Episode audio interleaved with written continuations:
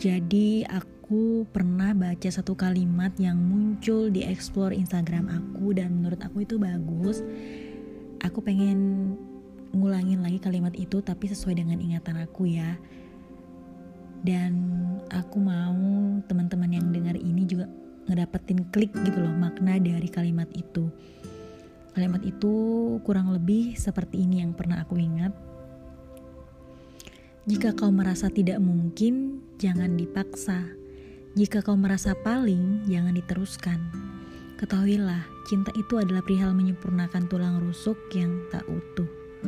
Kau harus paham bahwa tulang rusuk itu keras. Apabila dipaksakan untuk menyatu, mungkin ia akan patah. Maka cobalah untuk mengikutinya tanpa harus kau paksa.